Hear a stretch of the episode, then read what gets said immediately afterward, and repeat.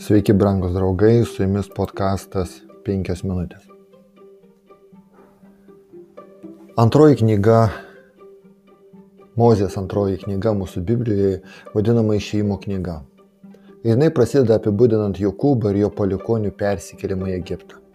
Tuo metu Jokūbo šeimoje buvo 70 žmonių. Išėjimo pirmas skyrius penktą eilutę. Tačiau labai greitai Izraelio vaikų padaugėjo, tauta išaugo, tapo nepaprastai stipri, kai aprašyta to pačio skyriaus septintoji eilutė. Tai buvo palaiminimo išsipildymo pradžia duota Bromui ant Morijos kalno, kai Dievas pažadėjo padauginti jo palikuonis. Pradžios 22 skyrius 17. Kaip gausiai izraelitai galima spręsti iš to, kad iš Egipto į Kananą išėjo vyrų vien tik 600 tūkstančių, išėjimų 12 skyrius. Plius juk dar buvo ir moterų, ir vaikų.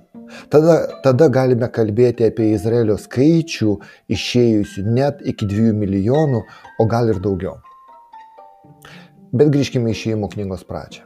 Po Jozapo mirties laikui bėgant valdžia Egipte pasikeitė, Biblijoje sakoma, ilgainiui Egipte kilo naujas karalius, kuris apie Jozapą nieko nežinojo. Išėjimo 1.8. Greičiausiai čia kalbama ne apie paprastą faraono valdžios perdavimą sūnui, bet apie dinastijos pasikeitimą. Kai kurie tyrinėtojai mano, kad kalbama apie žemutinio Egipto, kur ramiai gyveno žydai, užgrobimą aukštutinio Egipto faraono dinastijos, vadinamosios 17 dinastijos metu. Nuėsis faraonas labai tariai žiūrėjo į savo naujus pavaldinius ir bijodamas, kad jie gali sukelti jam rimtų problemų, jis pavertė juos vergais. Izraelio gyvenimas tapo sunkus. Iš, e, išėjimo pirmame skyriuje 14 eilutėje skaitoma. Ir kartino gyvenimą sunkiu lažu prie molio, plytų bei įvairių darbų laukose. Apkraudami jos visokiais darbais, egiptiečiai buvo negailestingi. Sunkiausias darbas buvo patikėtas jiems. Taigi, Tokiose aplinkybėse Dievas pasiuntė išgelbimą savo tautai. Išėjimo vadovu Dievas pasirinko Levio pronokį Mozę. Kai žmonės išėjo iš Egipto, iš vergijos namų, jie neišėjo tuščiamis rankomis. Dievas pasigailėjo žmonių egiptiečių akise ir jie davė jiems aukso, sidabro ir drabužių. Tai buvo tam tikra dalinė kompensacija už Izraelio priespaudos metus, tačiau kartu tai buvo žydams priminimas apie vergovės kartelį Egipte. Kai išgyvename sunkius neteisybės ir ar praradimo laikus, natūralu, kad norime greitai pamiršti tos sunkius laikus. Kad šios kančios neprisiminti ir, ir neišgyventi iš naujo ir iš naujo. Norime tai užmiršti.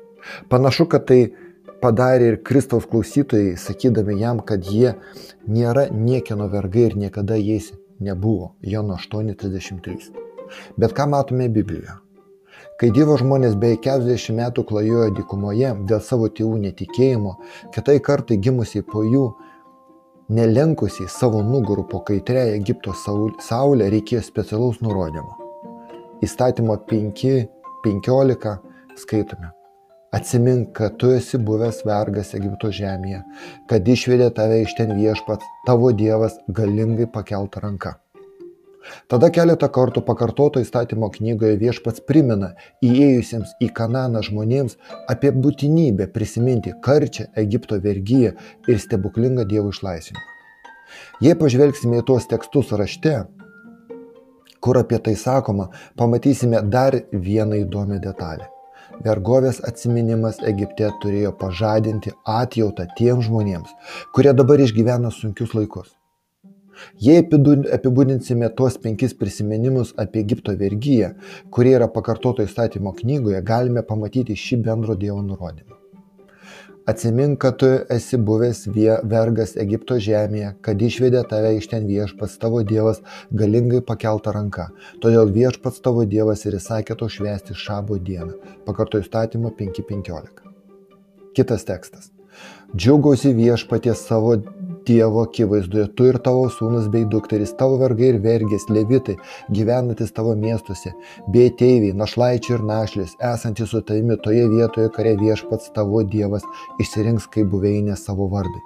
Atsimink, kad buvai vergas Egipte ir ištikimai laikyk šių įstatų. Pakartoti įstatymą 16 skyrius. 15 skyrius. 12 eilutė sako, paleisdamas vergą laisvą, neišsiųsiu jo tuščiamis rankomis, aprūpink jį dosniai. Toje pačioje knygoje 24 skyriuje parašyta, turi sugražinti jam užstatą saulė leidžiantis, kad tavo artimas, galėdamas mėgoti su savo apdaru, laimintų tave. Ir tos pačios skyriaus 24-21 eilutės skamba taip. Kai nurenki vynogę savo vynoginę, nerinksi, kas yra likę. Tai bus ateivių, našlaičių ir našliai. Atsimink, kad buvai ateivis Egipto žemėje, todėl aš įsakau tau tai daryti. Taigi, brangus draugai, Egipto vergyjo tapo galestingumo pamoka visiems Abromo pažado paveldėtojams. O kas yra mums galestingumo pamoka šiandieną? Su jumis buvo podkastas 5 minutės.